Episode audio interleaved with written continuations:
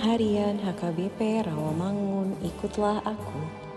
Rabu 1 Februari 2023 dengan judul Mengasihi Tuhan, Mengasihi Sesama.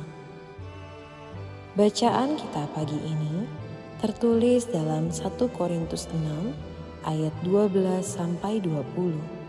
Bacaan kita malam ini tertulis dalam 2 Korintus 1 ayat 3 sampai 14. Dan kebenaran firman Tuhan yang menjadi ayat renungan kita hari ini tertulis dalam Yesaya 66 ayat 3 yang berbunyi, Orang menyembelih lembu jantan, namun membunuh manusia juga. Orang mengorbankan domba, namun mematahkan batang leher anjing. Orang mempersembahkan korban sajian, namun mempersembahkan darah babi Orang mempersembahkan kemenyan, namun memuja berhala juga. Karena itu, sama seperti mereka lebih menyukai jalan mereka sendiri dan jiwanya menghendaki dewa kejijikan mereka. Demikian firman Tuhan. Sahabat, ikutlah aku yang dikasihi oleh Tuhan Yesus. Dalam perikop ini, Yesaya sekali lagi mengangkat tema tentang penyembahan yang salah.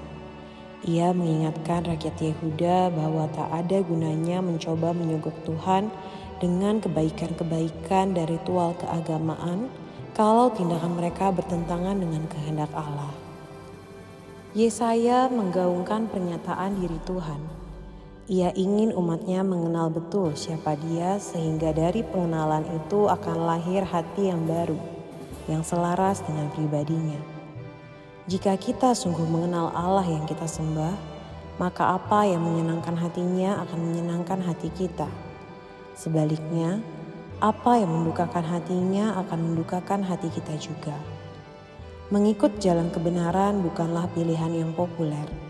Orang-orang terdekat kita pun bisa menjadi jerat untuk menjauhkan kita dari Tuhan. Pada ayat 5, Tuhan memberikan peneguhan kepada anak-anaknya yang gentar kepada firman-Nya agar tetap menjaga fokus yang tunggal kepada Dia, kendati cobaan hidup datang merayu kita agar memilih kenikmatan dunia, kehormatan, dan ketenaran, ketimbang mengikut jalan Tuhan. Berhati-hatilah, hal ini bisa terjadi baik di tengah dunia maupun di dalam gereja sekalipun. Si jahat dengan berbagai cara akan memakai tipu dayanya agar kita berfokus pada hasil sebagai bukti penyertaan Tuhan. Amin. Marilah kita berdoa. Ya Tuhan Yesus, kiranya kami semakin mengasihi sesama kami manusia sebagaimana kami mengasihi Tuhan. Amin.